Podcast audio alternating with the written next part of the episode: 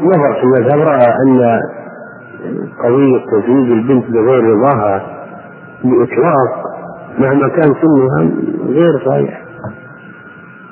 ولا يناسب الحال ما في عدل ولا إنصاف ومن الذي سيعيش مع الزوج؟ وليها ولا هي؟ إذا كيف تزوج بغير رضاها؟ فقال لا يجوز تزويج البنت بغير رضاها. طبعا هذا مذهب عدد من الأئمة. وهو الأصح والأظهر إلا إذا كانت صغيرة لا تعرف مصالح النكاح كما تقدم طيب لو حصل واحد زوج ابنته البكر بغير رضاها هل نقول هذا نكاح باطل كأنه ما كان؟ وسبق بينا الفرق بين النكاح المجمع على تحريمه والنكاح المختلف فيه وقلنا النكاح المجمع على تحريمه هذا باطل أصلا كأنه ما كان أما النكاح المختلف فيه فإننا وإن رجحنا تحريمه فإننا لإنهائه لا بد من إيش؟ الطلاق أو الفسخ ولا نقول كأنه ما كان. فالآن نحن إذا رجحنا أن نكاح البكر البالغة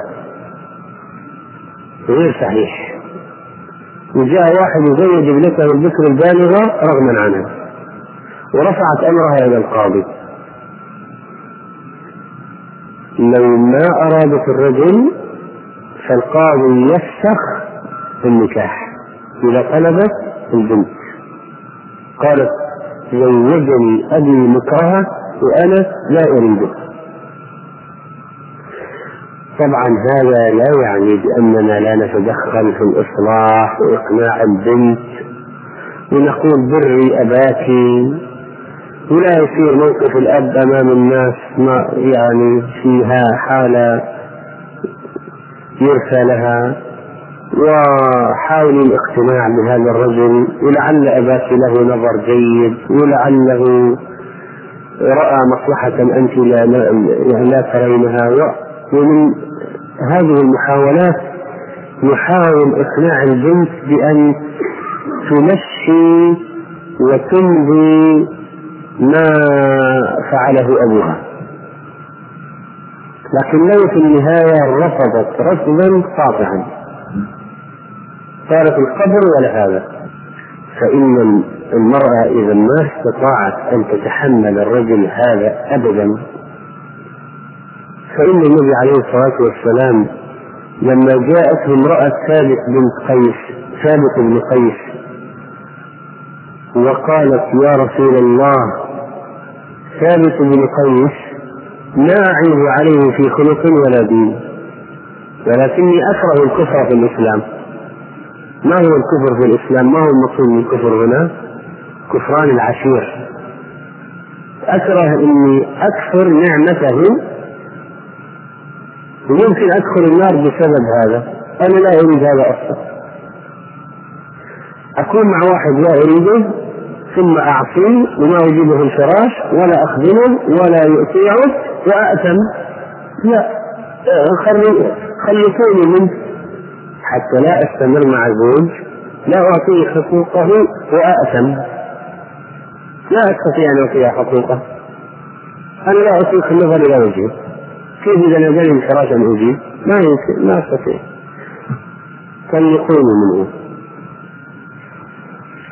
النبي عليه الصلاة والسلام قال لها أتردين عليه حديقته؟ لأن الرجل أعطاها بستان. الآن في بعض الرجال مثلا يكون كبير في السن فيغري أباها بالمال وأمها بالمال والبنت بالمال أيضا. فيعطيها أموالا. والبنت اشتكت قالت أبي عقد علي عليه وأنا غير راضية ولا أريده. أنا ابني ابني عمره ستين سنة. ما لا أريده. حاولنا له قلنا لها ترى المليون اللي أعطاك ستردينه قالت أرده ويدفع زيادة. إذا نقول ردي ماله وأن تطلقها لأن لأن لو قد لو قلنا لها سيعطيك المليون المكتوب لك المهر ما لك شيء. قالت ها؟ لا راجع نفسك. لأن المال الآن المال قد يجعل المرأة غض النظر عن سن الرجل. الزوج إذا النبي عليه الصلاة والسلام لما جاءته زوجة ثابت بن ابن قيس تقول إنها لا تريد زوجها قال لها أتردين عليه حديقته هو أعطاك مهرا بستانا. أتردين عليه حديقته قالت نعم. فقال رسول الله صلى الله عليه وسلم لزوجها اقبل الحديقة وطلقها تطليقة شجع لطيف غير متكلف. اقبل الحديقة استرد المهر وطلقها تطليقة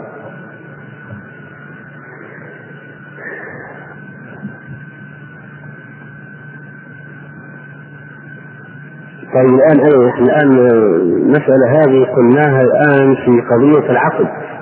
طيب لو صار الدخول لو دخل رجل بامرأة ثم إن المرأة كرهته جدا تكشفت لها عيوب ما كانت ظاهرة من قبل. فقالت فكوني منه قلنا لها نحن غصبناك عليه. قالت لا.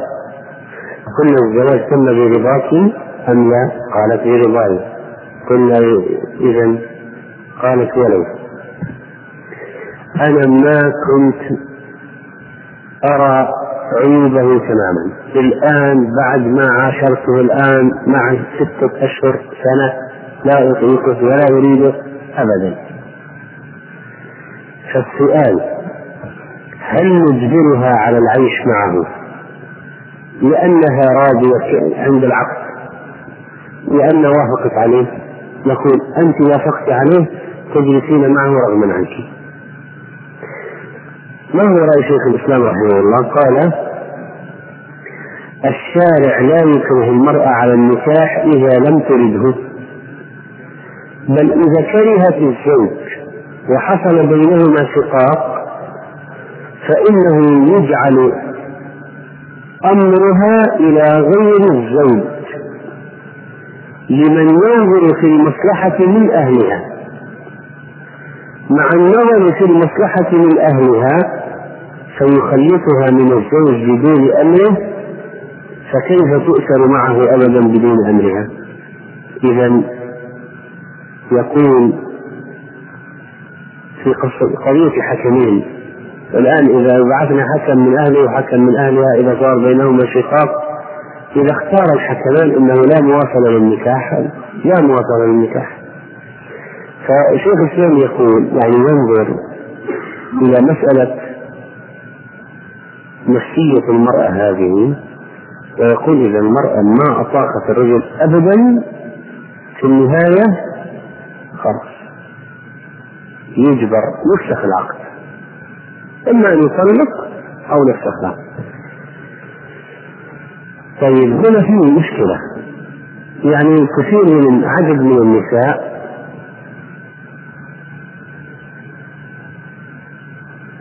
مهبولات. ممكن تأتي واحدة تلعب بعقلها من جاراتها اسلك فيه واسلك فيه وأصلا. وفي الآن أيضا فسق يتم تعرف متزوجة على شاب يعدها ويمنيها ولا يعدها إلا غرورا ويقول زوجك هذا طلقيه إيش تبغي أنا اتزوجك وهكذا فتروح المجنونة تطلب الطلاق. ويمكن عندها أولاد. وعيشتها مستقرة وبيت وسيارة وخدامة. ومع ذلك لأجل هذا الذي خببها على زوجها. أفسدها عليه. فالآن يعني كل ما جات واحدة أبغى زوجي فسخنا النكاح ولذلك فإن هذه المسألة من المسائل الحساسة جدا ولا يصلح التساهل فيها لأن مجرد ما جاء بحاجة قال ما أبغى فسخنا النكاح ليش ما تقول لازم المسألة فيها تحقيق من القاضي وتأني ونظر وتثبت لماذا؟ لماذا؟ فإن ثبت فعلا أن رجل ظهرت فيه عيوب بعد النكاح بعد العقد يعني بعد الدخول ما كانت ظاهرة من قبل. والآن هذه لو لو أجبرناها على مواصلة حياتها مع هذا الإنسان ستبقى متنكبة طيلة عمرها. وقد لا تطيع في الفراش فتأثم ولا تطيعه إذا أمرها بأن لا تخرج تخرج فتأثم ونحو ذلك. لكن لو تبين أن هذه المرأة ما تفهم.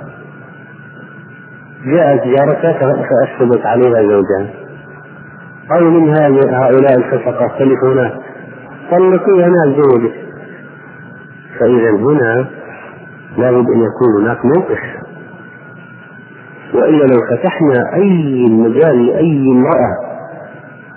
قالت أنا لا أريد زوجي طلقوني قد قد يكون هناك من يغويها بالحرام. يقول ليش رجل واحد؟ تلعب. ولذلك فإن هذه المسألة من المسائل الدقيقة والتسرع فيها خطأ كبير وينبغي معرفة الأسباب. وينبغي أيضا أن القاضي ينزل المحاولات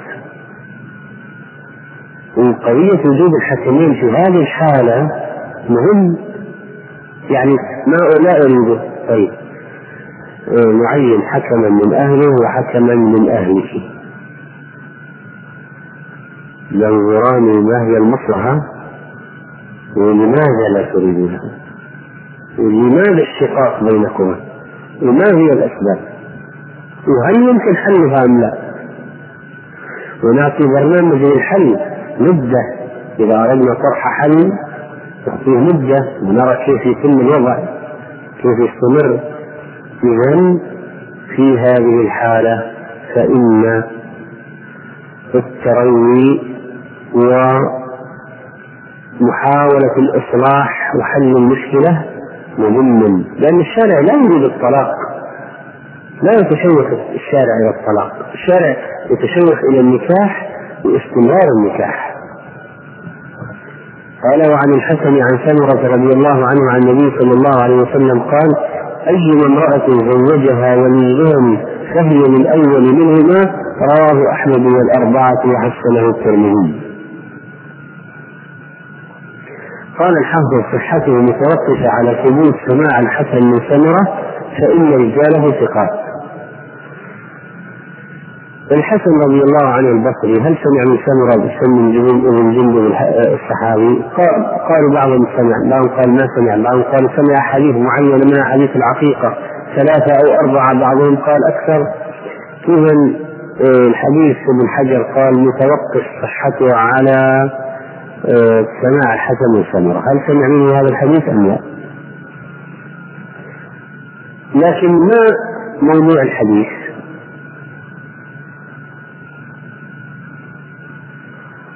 موضوع الحديث في ولاية النكاح. نحن نعرف الآن أن هناك ترتيب معين في الولاية.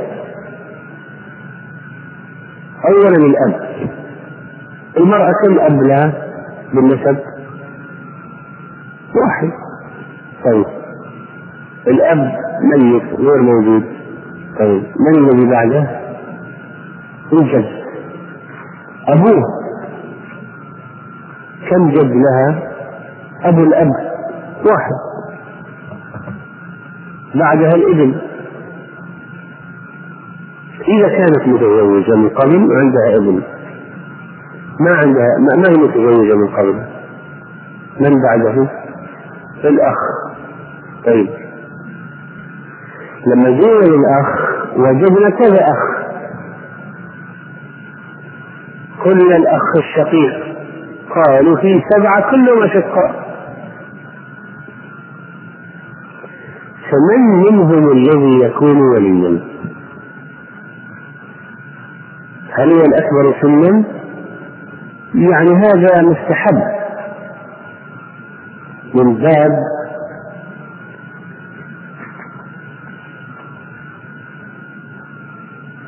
التكبير كبر كبر والتوقير. لكن الحق في التزويج متقارب جدا يعني. يعني هذا لأنه أقل منه مثلا بسنة ما له حق بس الأكبر يزوج فقط طيب البقية.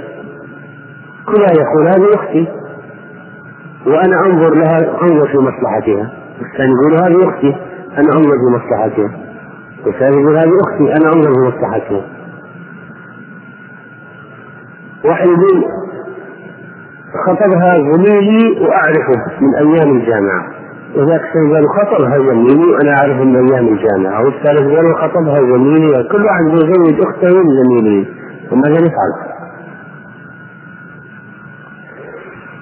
الآن ننظر في مسألة الأحقية هل هم كلهم مستوون؟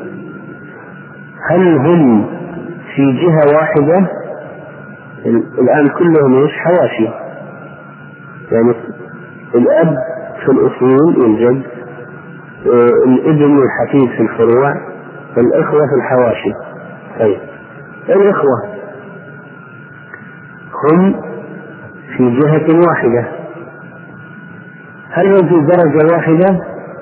نعم كلهم إخوة. ما في أخ وإبن أخ هو أخ. والقوة مستواها واحد. ما في أخ شقيق وأخ لأب وأخ كلهم أشقاء طيب ننظر فيهم الآن واحد ندخل المسألة. هؤلاء الإخوة أشقاء في مستوى واحد في جهة واحدة في درجة قوة واحدة كلهم أشقاء كلهم في الأخ في درجة الإخوة الأخوة. طيب. آه، هل في واحد آه، هل هل في يوجد بعض لا يجوز أن يكون وليا لعلة مثل أنه لا إنسان مثلا لا دين له. ننظر في دينهم هل هل في واحد منهم فاسق مثلا ديوث ما عنده غيره فهو لا يصلح أن يختار لها؟ يمكن يختار لها واحد من على شاكلته. يعني الاشقاء طيب الولي له شروط. افرض وجدنا الأكبر هذا خفيف العقل. خفيف العقل. سفيه. لا يحسن التصرف. اذا لابد أن ننظر في أحوالهم. لابد أن ننظر في أحوالهم. فإذا صاروا متقاربين حتى في الدين والعقل متقاربين. كنا الأكبر أنجز اعترض الآخرون قالوا لا وليش يعني لأن هذا أكبر السنة وأكبر السنتين. طيب. نقول للمرأة أنت الآن اختاري. إذا هم رأى إذا هم ما اتفقوا على واحد يزوجها طيب أنتم تداولوا بينكم اختاروا واحد لأن الولي لا بد ان يكون واحدا؟ هو الذي سيقول للزوج زوجتك أختي. فيقول قبلت فينعقد النكاح. ما يصلح أنتم جماعة. طيب اتفقوا على واحد. ما اتفقوا على واحد. نقول إذا أنت يا أيتها صاحبة الشأن أيتها المرأة أنت اختاري. من هؤلاء الاولياء واحدا منهم الذي يزوجك.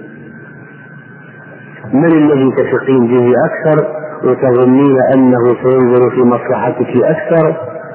اختاري. قولي هذا أخي الأصغر الأكبر الأوسط الثاني الثالث. عيني. قولي اخترت سعيدا عمرا خالدا عيني. فإذا أذنت له أنيق الحكم به ولا يجوز لغيره أن يزوجها. المسألة الآن البحث عن كفر يعرف مصلحة البنت يعرف من يختار لها يعرف كيف يبحث عن صفات هذا الإنسان وما هو حاله ويستقصي عن أخباره. الولي هذا لابد أن يكون قويا أمينا أمينا لا يزوج البنت لواحد من على شاكلته في الفسق. وقوي يستطيع أن يصبر حاله ويسأل عنه ويتحقق منه ويقابله ويدرس خبره. إذا المسألة تحتاج إلى ولي عنده قدرة على استنباط حال هذا الإنسان الذي تقدم لموليته. ولو وجد يعني يجب أن يختار الأصلح أيضا. الأصلح لها. طيب. لو ابن الأخ زوجها والأخ موجود. أخ آخر يعني جاء ابن أخيها وقال بسم الله زوجتك عمتي على مهر كذا كذا. ثم جاء عمه. قال انت كيف انت كيف تتجرأ وتزوج عمتك وأنا أخوها موجود. أنا أقرأ أنا أخوها. أنت ابن أخيها. أنا أخوها. أنت كيف تتجرأ وتزوج عمتك مع وجودي أنا؟ كيف؟ كان يعني يسألني عن دار ورايح مشوار. طيب انتظروني أعطوني خبرا. بلغوني. الآن هذا الولي الأقرب لما حصل أن الولد أبعد منه زوج فإن العقد لا يقش لأن البعيد لا يكون وليا للمرأة مع وجود من هو أقرب منه. لا يكون البعيد وليا مع وجود من هو أقرب منه. هو قريب من الأرحام كل شيء لكن الولي كلمة ولي واحد ولي. إذا نقول النكاح غير صحيح. أنت يا أيها الولي الأقرب أعقد لها. طيب. لو اختلف الإخوة الأشقاء في تزويج أختهم. ولا اتفقوا على واحد. قالوا اختاري أنت. قالت أنا أخاف أني إذا اخترت واحد تزعلكم أزعل البقية. ما راح يزعلكم يوم واحد. أجرأهم وأدهاهم